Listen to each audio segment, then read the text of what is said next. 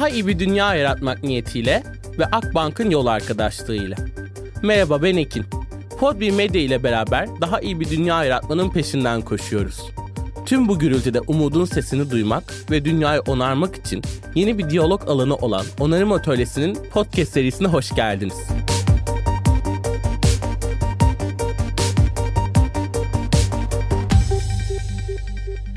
Bugün Onarım Atölyesi'nde konuğum Ali Ercan Özgür. Kendisini aradığım için çok şanslı hissediyorum. Birçok alanda sosyal kalkınmadan, yeni organizasyon tiplerine, doğal afetlerden, merkezsiz finansın aslında bizi nasıl iyileştirebileceğini birçok alanda kendisini takip ediyordum.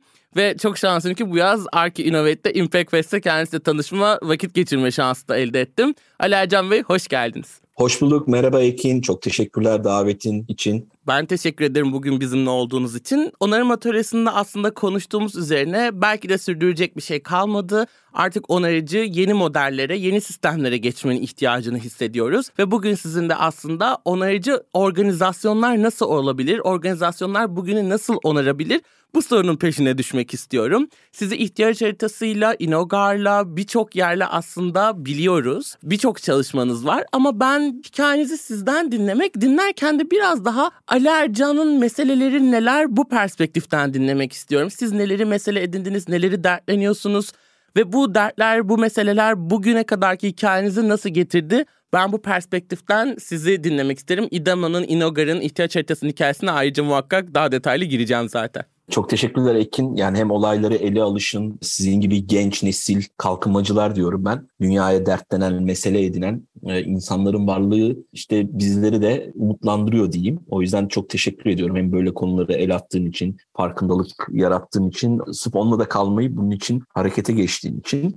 Ya benim meselem diye Müslüm Gürses ruhuyla başlarsak e, ya herkesin olduğu gibi çocukluktan itibaren etrafına duyarlı, o eşitsizlikleri görmeye başladıkça da dertlenen bir insan oldum. Yani mahalledeki eşitsizlikler, sonra okulda gördüğüm eşitsizlikler. İşte o zamanlar işte 80-90 yılları hani biraz daha o uçurumların bugünkü gelir adaletsizliğinin belki nispeten daha az olduğu ama görülebilir olduğu kentteki yoksulluğu görebildiğiniz, hissedebildiğiniz bir geçiş dönemiydi. O anlamda da dünyada da bunu görmeye başladıkça o konuda işte 96 Habitat Zirvesi sonrası sürdürülebilir kalkınma ile ilgili Birleşmiş Milletler süreçlerinde gençlik ve sivil toplum temsilcisi olarak yer alabildim. Öğrenci hakları, gençlik hakları, Anadolu'da gençlik örgütlenmeleri, e, gençlerin karar alma mekanizmalarına katılması ama bunları sadece lafzi kalmayıp yani eyleme dönüştürmesi şimdi tıpkı sizin yaptığınız gibi o dönemde işte gençlikle beraber yaşadığımız dünyaya sahip çıkma, meseleleri daha geniş kitlelere anlatmakla ilgili bir derdim oldu.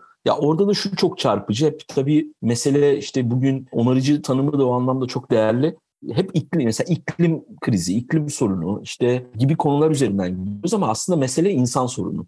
Yani Göbekli Tepe bugün şanslıyız ki hani bu coğrafyada çıktı. Fark edildi o zaman bile hayat olduğu geriye attı tarihi ama 12 bin yıl. Yani 12 bin yıldan son 100 yıla gittiğimizde 1,5 milyar nüfus var. Yani 100 yıl önce, 120 yıl önce dünya nüfusu 1,5 milyardı. Bugün ise 7,5 milyar. Yani 100 yılda 6 milyar olan. O yüzden de hani benim meselem aslında insan krizi insanların yarattığı kriz. O yüzden de doğayı suçlamak, doğada işte küresel iklim değişikliği, küresel ısınma hep aslında doğa sorun olarak görüyoruz. Yani doğal hayatı koruma, doğayı koruma, işte çevreyi gelişme. Halbuki mesele insan krizi. Yani ve çok hızlı ürediğimiz hani Covid nasıl böyle eksponansiyel böyle bir anda fırlıyor. 3 kişiye bulaşıyor, 500 kişi, 10 bin kişi, 100 bin kişi.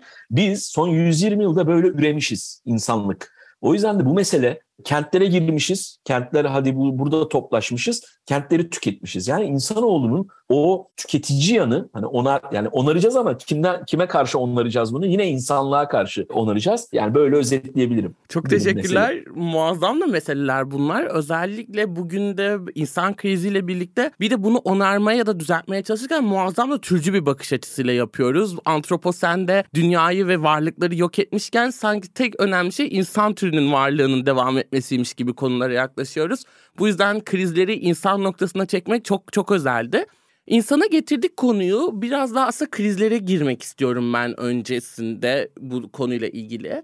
Sizce bugün temel krizlerimiz neler? Yani onarmanın peşindeyiz ama önce krizleri tanımlama noktasında insan krizinden bahsettik. Bunun dışında temel problemlerimiz neler ve krizler neler? En önemlisi de bu krizler, sorunlar arasındaki bağlar neler? Çünkü bence asıl çözüm üretememizin ya da bugün ürettiğimiz çözümlerin yarının sorunun olmasının sebebi bu aradaki bağları göremememiz. Yani SDG'leri kutu kutu tanımlıyoruz ve sanki her biri dikeyde birbirinden bağımsızmış gibi hala yaklaşan yaklaşımlar var. Oysa burada bir nöral ağ gibi bir bağlılık var. Sizce bugünün krizleri neler ve bu krizler birbirine nasıl bağlı? Valla hem zor soru, sıkı hazırlanmışım. Hem de bir yandan da insanı düşündürüyor, düşünüyoruz hep beraber. İşte uluslararası kurumlar küresel sistem diyelim, yönetişim, küresel yönetişim sistemin aktörleri bu bugün Birleşmiş Milletler, işte Dünya Bankaları, işte bölgesel Avrupa Birliği kurumları, Afrika Birliği ve benzeri. Yani bir şekilde tabii ki diyalog halinde çözümler üretmeye çalışıyorlar ama yetmiyor. Hiçbir zaman da yetmeyecek. Yani özellikle Birleşmiş Milletler sisteminden beri, 50'lerden beri bu böyle. Yani bu bugün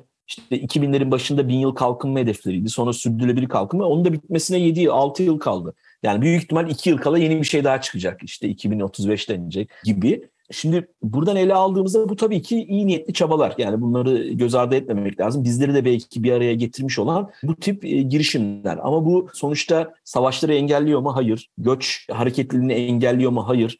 İnsan ve iklim kriziyle artan doğal afetleri engelliyor mu? Hayır. Demek ki burada olayları ele alış biçimini değiştirmek, yeni yöntemler aramakla ilgili bir kriz de var aslında. Yani yöntem krizi bir yandan da. Bu sadece alışa geldiğimiz de hükümetler, sivil toplum kuruluşları, özel sektör. Şeyle ilgili çok güzel bir tabir var. Yani biz sürdürülebilir kalkınma diyorduk. Özel sektör bunu ne ara aldı da sürdürülebilirlik diye kalkınmaya attı. Mesele sürdürülebilirliğe gitti. O yüzden bir şeyde sordun yani bu neyin krizi? Bence bitmeyen insanoğlu var olduğundan beri olan ekonomik kriz. Yani ekonomi aslında nedir diye tanımladığımızda her zaman şu var ya işte kıt kaynakların bir şekilde zaten o eşitsiz bölüşümü. İşte tüm değişkenlerin sabit olması ve benzeri. Şimdi hayat öyle bir şey değil. Tüm değişkenleri sabit tutamıyorsunuz yani. Hayat çok akışkan. O akışkanlık içerisinde ki o filmi durduramıyorsun. Stop hadi bakalım başa alıyoruz. Yok yani hayat öyle bir akıyor ki hani o felsefede de şey vardı yani aynı nehirde iki kere yıkanamayız meselesi. o kadar hızlı. O yüzden de bu kıt kaynakların olduğu bir dünyada ama bir yandan da bakıyoruz ki o da hani böyle gıda meselesi çalışan insanlar hani çok şey dünya insanoğlu var olduğundan beri en gıdaya erişimin mümkün olduğu dönemi yaşıyoruz. Yani şimdi bu kadar eşitsizlikler var ama bu kadar da şey var. Yani benim de kızım var. Bazen üzülüyorum da hani yemeği beğenmiyor, atıyor, işte geride bırakıyor ama bir yandan anlatmaya çalışıyorsunuz. Ama ya insanoğlu doğduğu andan itibaren bencil bir yaratık. Yani ben bunu hani çocuk yetiştiren bir baba olarak da gördüğüm için istediğiniz kadar iyi olun, şey olun. insan bir kere kendi alanını genişletmekle ilgili bir şey. Şimdi ekonomik kriz dedik mesela yolsuzluk teorilerinin başı ne biliyor musun? Kelime kökenleri de oraya gidiyor yani böyle corruption'ı falan. Greedy diyor ki insanoğlu zaten aç gözlüdür diyor. Tamam mı? Yani maalesef o yüzden de ben hep konuyu belki başta da söylediğim ama örneklerle de çoğalacağım insan krizi. Yani insanlık krizi, insanın açgözlülüğü, insanın insafsızlığı ve kendi yaşam alanını genişletme ve bencilliğini yönetmekle ilgili bir dönem yaşıyoruz. İşte toplum liderlerine bakıyorsunuz, ülke liderlerine hani bugün savaş, Ukrayna, işte göç hareketlilikleri ve benzeri bu demek oluyor ki ekonomik kriz var, doğal afetlerle ilgili krizlerimiz var, örgütlenme, siyasi örgütlenme, ülke, şehir örgütlenmelerini yönetmekle ilgili problem var ve küresel yönetişimin de cılız kalan atakları var diyelim. Biraz böyle futbol tabiriyle de konuşayım. hani ender gelişen Osasuna atakları derler Tamam mı? Yani futbol şeyinde. Yani ender gelişen Birleşmiş Milletler ataklarında bu dünya sorunları maalesef çözülemiyor. Böyle de çözülemez yani. Ya burada aslında ben de Birleşmiş Milletler'e veya büyük organizasyonlara inancını kaybetmiş biri olarak belki de daha yerel, daha küçük, daha hızlı hareket eden yapıların daha kolektif bilinçle daha büyük şeyler yapabileceğini düşünüyorum. O kolektif bilinç burada beni çok iyi hissettiriyor. İnsan krizi muazzam bir noktaydı gerçekten. Bugün yaşadığımız ana sorunu özetleme noktasında hani hep iklim krizi değil insan krizi var dediğimiz noktayı şimdi daha iyi anlamlandırabiliyorum kendi içimde de açıkçası. Ve burada çok güzel bir krizden daha bahsettik. Yöntem krizi ve insanın sürekli büyüme, daha fazlasına sahip olma ihtiyacından girdik. Bu noktada bir sistemsel sorun olduğunu aslında hepimiz görebiliyoruz. Yani bu kadar gıdaya erişim, böyle bir verimlilik teknolojisi elimizde varken bir bu kadar da açlık sorununu yaşamamız ya da gelirdeki bu adaletsiz dağılım sistemin en temelinde bir yerde bir sorun olduğunu gösteriyor. Ve ben bunun açıkçası bugün onarımı merkezine alan organizasyonlarla bir nebze daha hız, çözümü hızlandırabileceğimize inanan taraftayım. Bu organizasyonları özel sektör, kamu kuruluşları, sivil toplum, sosyal girişimler aslında belli bir grup insanın bir amaç noktasında bir araya geldiği her şeyi bir organizasyon olarak tanımladığımda biraz daha aslında sizin de geçmişinize ve yaptıklarınızın perspektifinde bugün nasıl organizasyonlara size ihtiyacımız var? Yani onaran organizasyon, onarıcı organizasyon diye bir şey mümkün mü? Bu nedir? Ve bir organizasyon birlikte ya da tek başına bugün dünyayı nasıl onarır? Buradan da biraz daha ihtiyaç haritasının İdema'nın hikayesine gireceğim ama Var mıdır onaran organizasyon? Ya çok teşekkürler. Yani soruların da ilham verici oluyor. Şöyle ya mesela işte açık inovasyon çağındayız. O yüzden örgütlenmelerin de biraz buna yönelik kendini model alması gerekiyor. Katılımcılık işte şirketlerden kurumlara kadar içinde olmazsa olmaz bir hal aldı. İşte deminki konuşmada hani Birleşmiş Milletler diyorduk yani işte bak United Neighborhoods kurulabilir tamam mı? Bak hiç aklımıza gelmemiş bir şeydi işte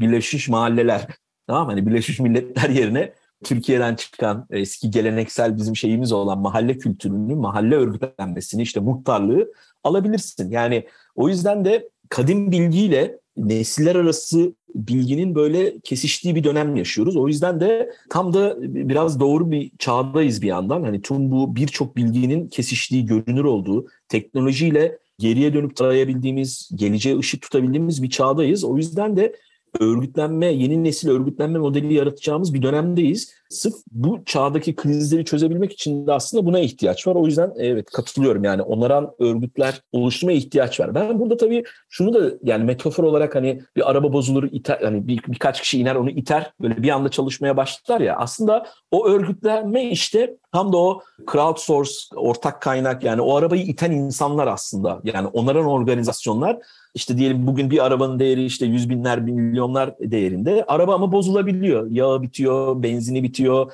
işte bir şeyi bozuluyor. Çaresiz kalıyor şoför. Yolda kaldı. E ne oluyor? O işte yoldaki diğer arabalardan inip onu geleneksel yöntemle manuel biçimde itmeniz gerekiyor. Yani o yüzden bunun gerçekliğini de unutmamak gerekiyor. Bir de böyle hani o elektrik verdiğinizde böyle cız cız böyle bir hani şey yapar ya işte onaran organizasyonların biraz öyle olması. Yani o elektrification bir anda böyle bir, bir elektrik çarpması hissi yaratıp başkalarına ilham olması, enerji vermesi ve hem kaldıraç hem de katma değerli böyle çözümler üretmesi gerekiyor. Sırf da bu yüzden işte ihtiyaç haritası gibi bir yapıyı biz zamanında bu düşünceyle yani iki şeyimiz vardı. Yeni medya, sosyal medya çok hızlı yükseliyordu ama referans bir yapı yoktu. Yani çünkü orada da bilgi kirliliği bir mesele ama özgürlük de bir önemli mesele. Özgürce ifade edilmesi.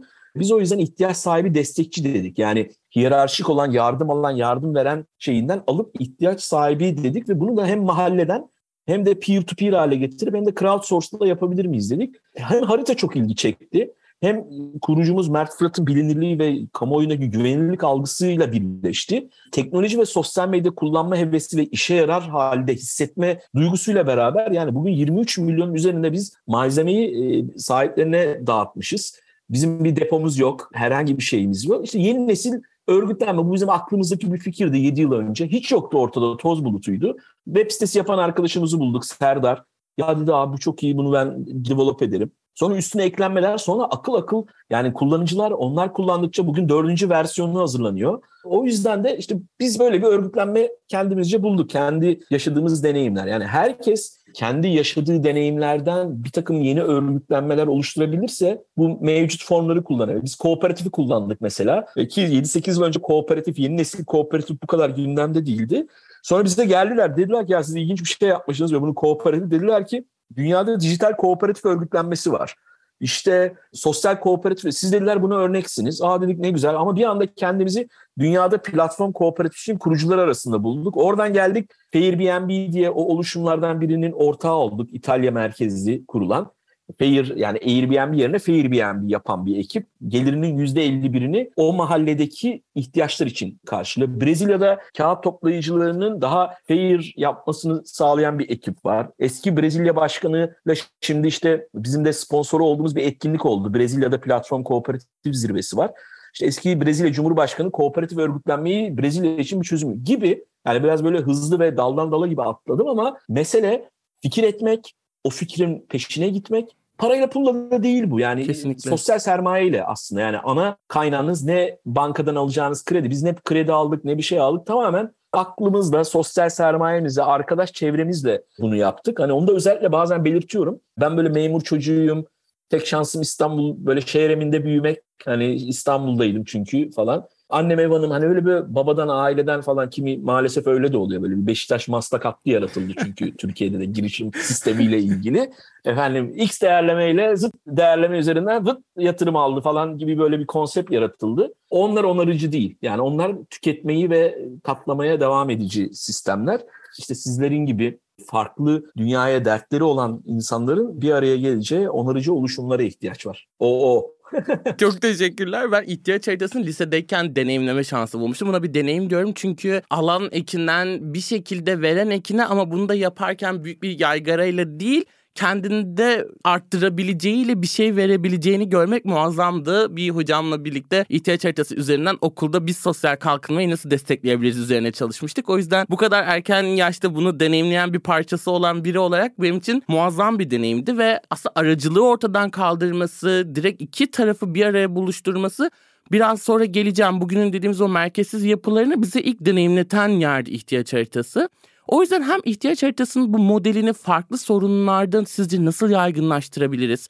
Bu modeli kopyalayıp farklı alanlarda uygulamak neden önemli? Bununla birlikte de Inogar'ın ve aslında İDEMA'nın da nasıl onarıcı faaliyetlerde bulunduğunu ben dinlemek çok isterim. Çok teşekkürler Ekin. Şöyle dedim ya insanoğlu böyle vahşi duygularla doğuyor ve onun etrafında ama yani kimi insan gerçekten işte kendine odaklı, kimisi topluma odaklı. Bunu yıllar içinde böyle yaşadıkça da görebiliyorum. Yani hani, hani kendine odaklı olanlar kötü diye söylemiyorum. O da insan yaşayışı. Herkes olmak zorunda da değil. Ama senin gibi işte bizler gibi böyle toplumu dert eden, bizi mutlu eden böyle çok paramız olsun değil mesela. işte bize yani bir yat verseler, tekne verseler yani hani bir gün gezeriz güzel ama yani ne ben 10 gün ne yapayım, 20 gün ne yapayım orada? Yani herkesin yaşayışı farklı. Toplumu dert edenler kendine öyle bir yaşam biçimi benimsiyor bu örnekleri arttırma o anlamda çok ihtiyaç var. Yani ne güzel ki sen yolun kesişmiş lisedeyken ben de bilmiyordum valla burada öğrendim. Çok da böyle hikaye var. Yani işte ne bileyim bizde ilk üniversite öğrenci grubu, ihtiyaç haritası kulübünü kuran arkadaşımız şimdi bizim mesela projelerden sorumlu arkadaşımız. Veya ilk işte ihtiyaç olarak bilgisayar giden, tekerlekli sandalye giden bir arkadaşımız bizim şimdi işte editörlerimizden biri. Gönüllü böyle koordinasyonumuzu yapıyor. Ya bir topluluk oluşturma hali oluyor ve bunun etrafında sizin de kontrolünüzden çıkıyor zaten. Bu yeni nesil ve peer-to-peer, insandan insana, dijital temelli yapılar günümüzün gerçeği. Yeni nesil ise tam da bunun içine doğuyor. Yani e, biz belki biraz o geçiş dönemi insanlarız. Yani analog dönemi de biliyoruz, dijital dönemi de biliyoruz bir tık. Ama yeni nesil tamamen dijitalin içine doğdu. Biz o yüzden mesela bizler aslında dijital göçebeyiz. Biz yeni geldik sizin alanınıza diyelim. Siz oradasınız. Biz böyle biraz daha öğrenmeye çalışıyoruz. Ya bu işte nesiller arası farklar ve öğrenme zenginliklerini şu anda bir külliyata çevirdik çevirdik. Sonra yoksa yitip gidecek o anlamda. İhtiyaç haritası da o anlamda bize ODTÜ'de bu konuda doktora yapan sosyal tasarım meselesini hani burada altını çizmek isterim. Biz de farkında değildik. Yani başta söyledim işte Kimimiz topluma fayda sağlama odaklı doğuyoruz, gelişiyoruz, büyüyoruz, içimizde tutamıyoruz bunu. Ya bazı şeyler içgüdüsel. Bazı şeyler akademik tarafını, teorik tarafını çalışıyorsunuz. Doğrular var. Böyle yapılması gereklilikler var. Ben her zaman şeye inanıyorum. Bir de hayat tecrübeleri var. Ya ikisinin yani içgüdü, hayat tecrübesi ve teorisi işin bu iyi harmanlandığında çok güzel oluyor. Biz mesela hayat deneyimi ve içgüdüyle bunu harmanladık. Teoride ama o kadar şeye uymadık klasik yöntemlere. Bu bazen size avantaj sağlıyor çünkü kutunun dışında bir şeyler yapmış oluyorsunuz. Ama bir yandan da hele Türkiye gibi bir sistemde o olmaz, böyle değil. Ya öyle mi yapsanız aslında bu tutmaz. Bu gibi negatifçiler var. Orada Selin Gürdere var. Şimdi Bilgi Üniversitesi'nde endüstriyel tasarımda ODTÜ'de yaptı hocamız. Sosyal tasarım diye de böyle kendi web sitesinde o bize söyledi. Yani o tezinde de bizim çalışmayı incelemiş. Ya yani biz aslında mesela ihtiyaç sahibi ve destekçi dediğimizde hiçbir sınır koymadık. Kategoriler hani sitelerde oluyor ya alışveriş evet. yap işte kategoriler var falan. Bizde mesela hiçbir zaman kategori olmadı. Sınırsız herkes ihtiyaç diye tanımladığı şeyi girdi. Biri yeni evlenmiş perde ihtiyacı girdi. Biri kanser hastasıydı peruk ihtiyacı girdi. Biri bir hocamız Diyarbakır'dan ya biz o zaman çok şey yapmıştık, ilgilenmiştik ve şaşırmıştık. Teleskop ihtiyacı girdi. Dedi ki ben uzayı göstermek istiyorum. Dünyanın çok boyutlu bir yer olduğunu göstermek istiyorum. Şimdi teleskop, perde e, müzik aleti aklınıza gelecek hani bin bir tane şey PlayStation isteyen de var. İşte e, efendim eşine beyin isteyen de var. Hani yayınlamadıklarımız da var tabii ki. Bizim kendi giderliklerimiz de var. Yani bazı şeyleri de işte öğreniyorsunuz. Dedik ki bu sosyal tasarım diye bir mesele var. Her şeyin bu katılımcılıkla yapılması lazım. Crowdsource'la yapılması lazım. Ya o anlamda yeni örgütlenme biçimlerinin yeni tasarımları var. Onlara uygun hareket edilebilir. Geçmiş deneyimler ele alınabilir. Ama biz mesela haritayı kimse kullanmaz diyorduk mesela. Karmaşık gelir diyorduk ama en iyi mesela kadın muhtarlar ilk kullananlar. O kadar iyi kullandılar ki yani bizim böyle onu geliştirmemizi, süreci arttırmamızı, mobil tarafta kullanmamızı sağladı. Ya o yüzden ya bu da olmaz dememek lazım. Her zaman işi böyle üretecek fikrin, duygunun peşinden gitmek lazım. Oldurmaya çalışmak lazım. Daha iyi bir dünya yaratmak niyetiyle ve Akbank'ın yol arkadaşlığıyla onarım atölyesine kaldığımız yerden devam ediyoruz.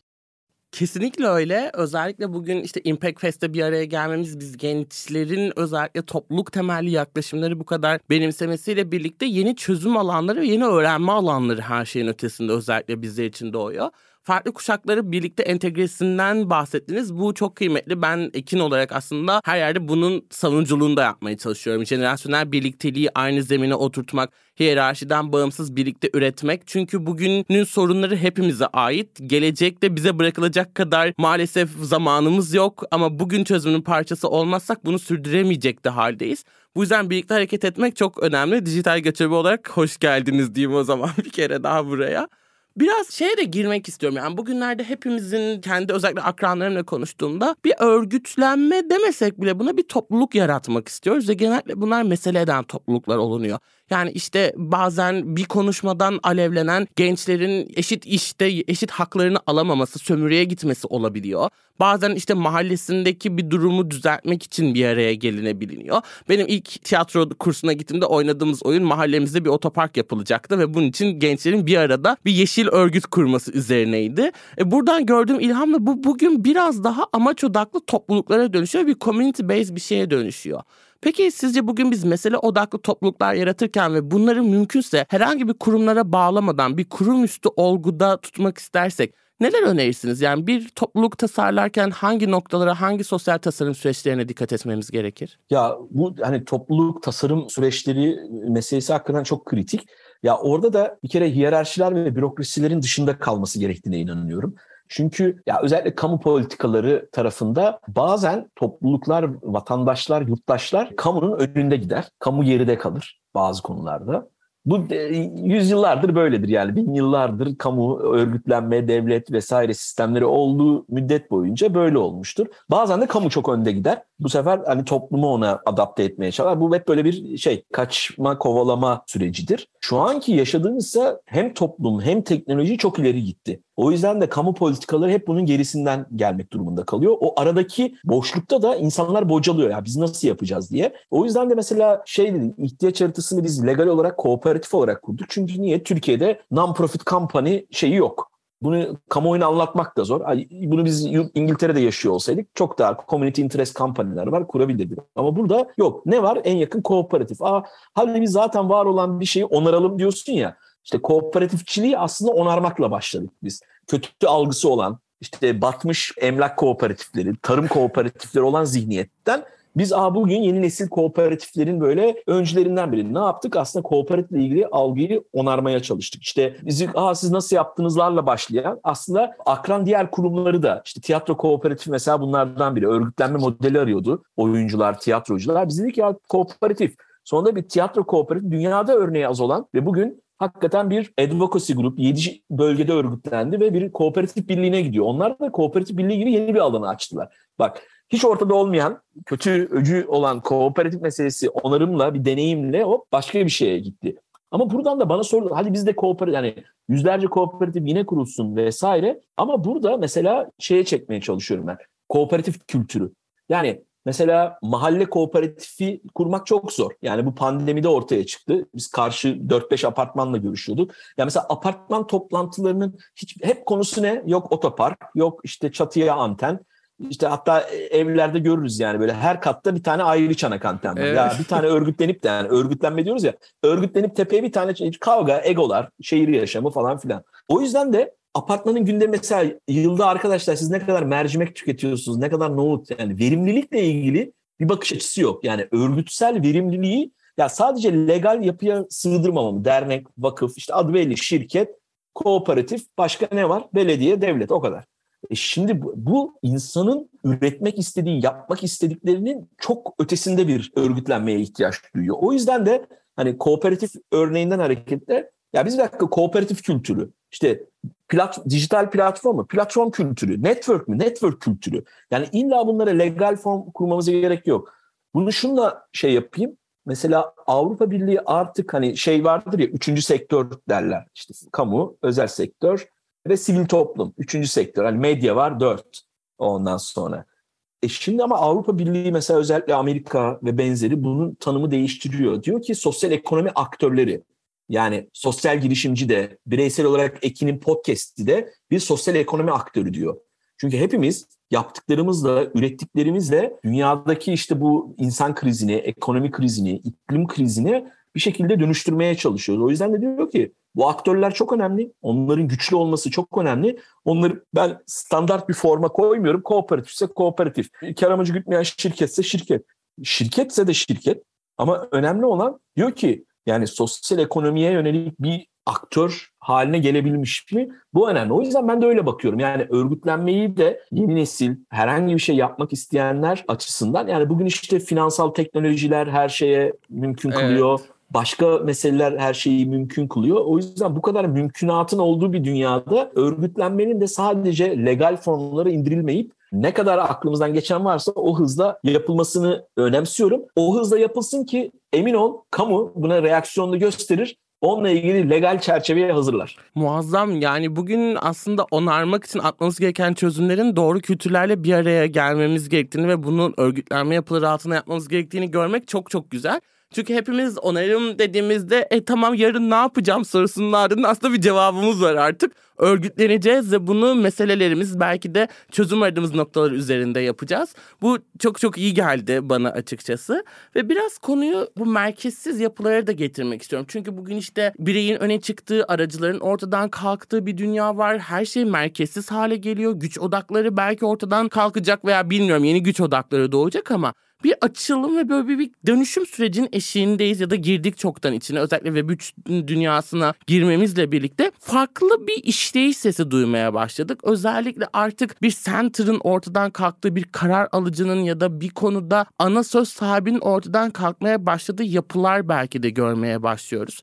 Tam bu noktada işte sizin SOS Chain'den de biraz bahsetmenizi isteyerek merkezsiz yapılar, merkezsiz yapı teknolojileri, merkezsiz finans teknolojileri bizim bugünümüzü nasıl onaracak? Merkezsiz organizasyonlar nasıl yaratılır ve bu organizasyonlar bu çağda neyi nasıl iyileştirebilir sizce? Valla evet şimdi tam da o konu yani benim biraz bu merkez ve merkeziyetsizlik meselesine girişim işte az önce anlattık üniversite zamanından böyle yerel yönetimler, yerel kalkınma ve bunun uluslararası boyutu, uluslararası şehirleri gördükçe başladı.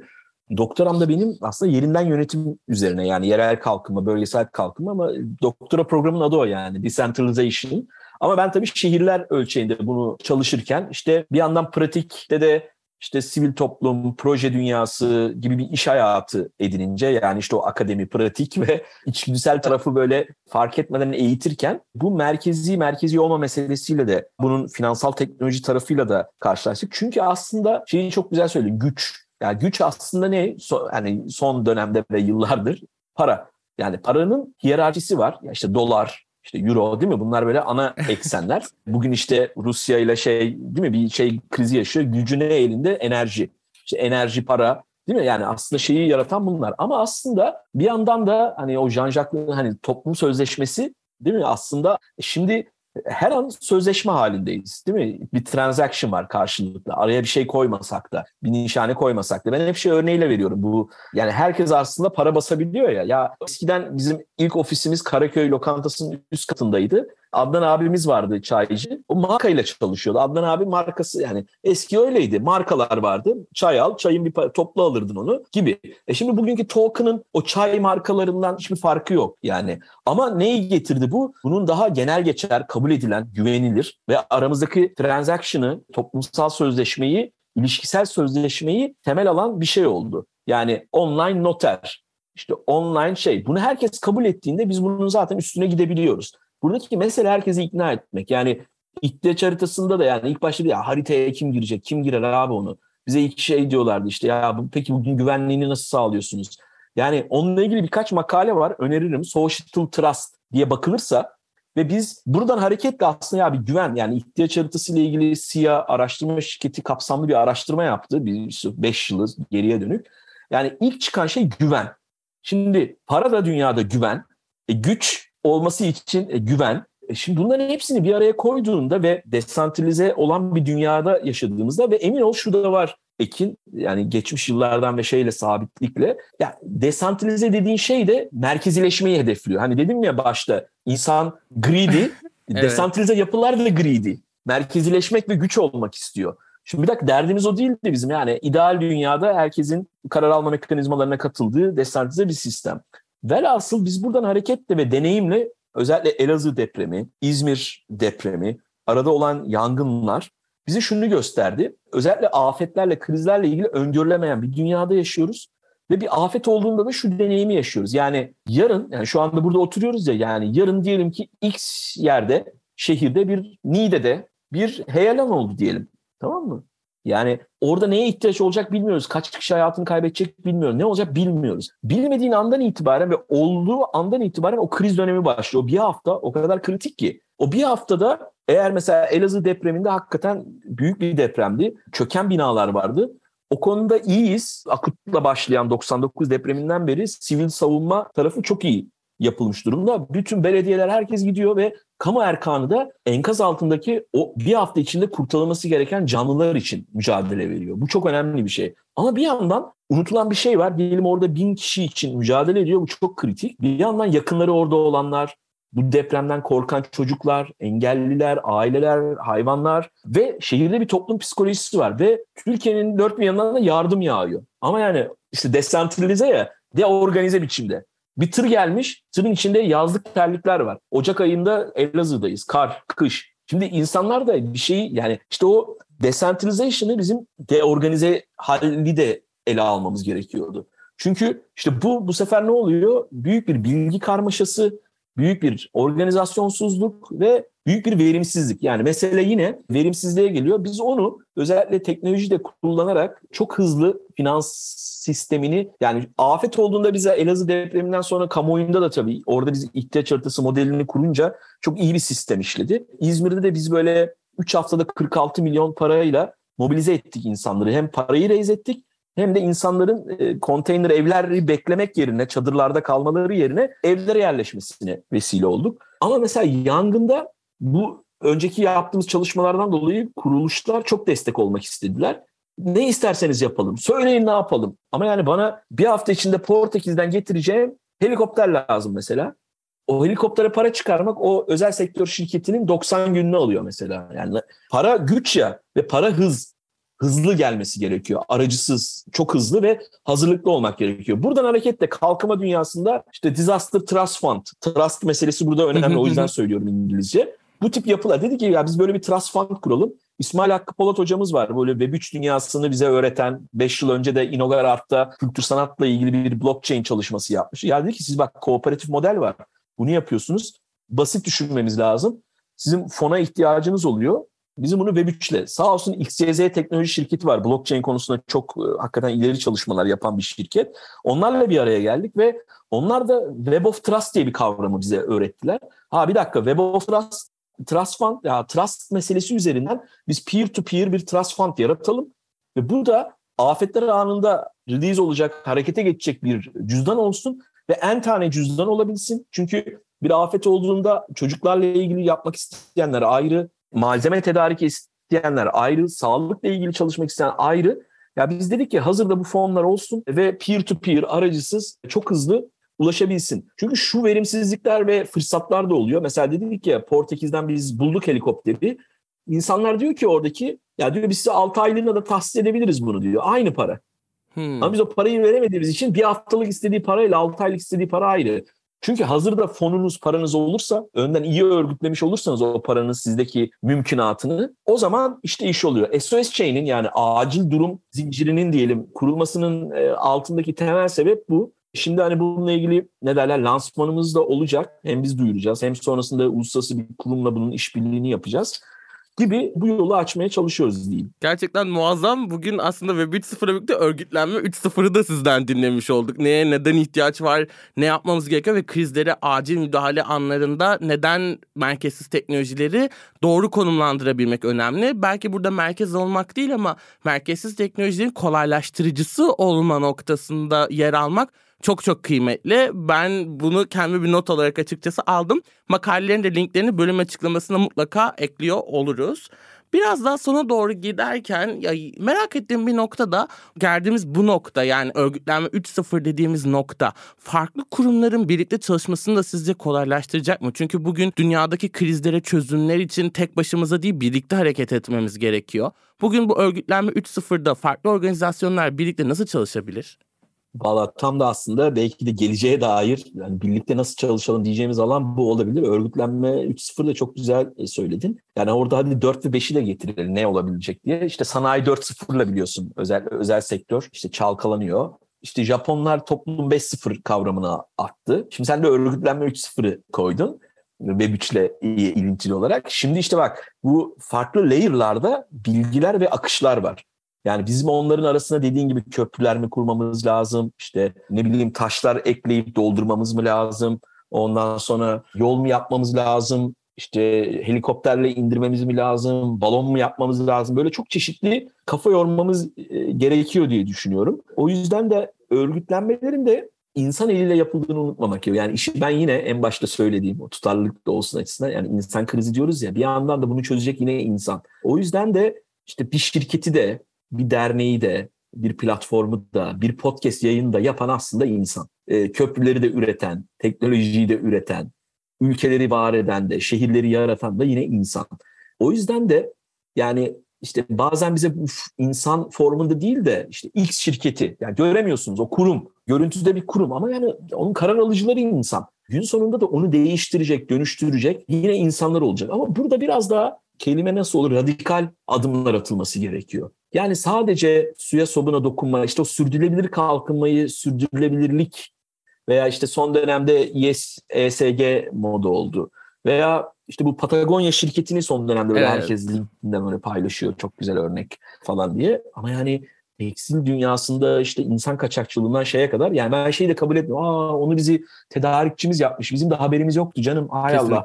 Şimdi ama ben işte milyar dolarları 30 yılda kazandım. He, şimdi işte hissemin bir kısmını artık bırakıyorum falan. Yani ya o yüzden samimiyete ve radikal olmaya ihtiyaç var örgütlenmelerle ilgili. Yani gerçekten samimi, radikal ve içten bu yapılabilecekse tam da bu tip örgütlenmeye ihtiyaç var. Örgütlenmenin o yüzden bugün formu bir dağ olabilir, işte legal yapılara o yüzden işte bu tam onun örneği yani siz ne derler dijital paranın, dijital örgütlenmenin legal formu sonra gelecek. Yasalaşacak, illaki yasalaşacak. O yüzden de radikal ve samimi örgütlenmelere ihtiyacımız var. Çok teşekkürler. Aslında radikal ve samimi örgütlenmelerle birlikte belki social tokenlarla, yeni teknolojilerle adına her ne dersek yeni bir sistemi var edebilmenin umudu bana çok iyi hissettiriyor. Son olarak her konuğuma sorduğum bir sorum var. Bunu size de sormak istiyorum. Tüm bu gürültüde umudun sesini duyuyor musunuz? Sizce umut var mı? Ya umut hep var, hep de olacak. Ben umudu hep böyle çocuklarda e, görüyorum. Yani dünyaya gelen her çocuk iyi bir şeyle geliyor. İşte kendi kızım da var dediğim gibi 8 yaşında. Şimdi ona dünyada olan biten zorlukları, kötülükleri anlatmak o kadar zor geliyor ki. Yani var biliyorsunuz ama onun içindeki umudu görmek ve onun arkadaşlarının ve birçok çocuğu ve o çocukların var olması bana o anlamda şey her zaman umut varı hatırlatıyor. Yani bazen onu hatırlamaya ihtiyacımız var. O yüzden bunu yaparken de ben hep böyle başa dönüp kendi çocukluğumu da hatırlıyorum. O yüzden de hani umut çocukluğumuzda ve o çocukluğu kaybetmemekte. Çünkü yine dediğim gibi bunu çözecek bir zaman çocuk olan insanlar. Çok teşekkürler. O zaman içimizdeki çocuğun da sesini duyarak tekrardan iyi ki geldiniz diyorum. İyi ki buradaydınız. Çok daha güzel yerlerde, çok daha güzel söylemlerle buluşmak üzere. Onarım Atölyesi'nin yeni bölümünde görüşmek üzere. Çok teşekkürler. Daha iyi bir dünya yaratmak niyetiyle ve Akbank'ın yol arkadaşlığıyla yeni bir diyalog alanı yaratan Onarım Atölyesi'nden iyilik ve dostlukla. Bir sonraki bölümde görüşmek üzere.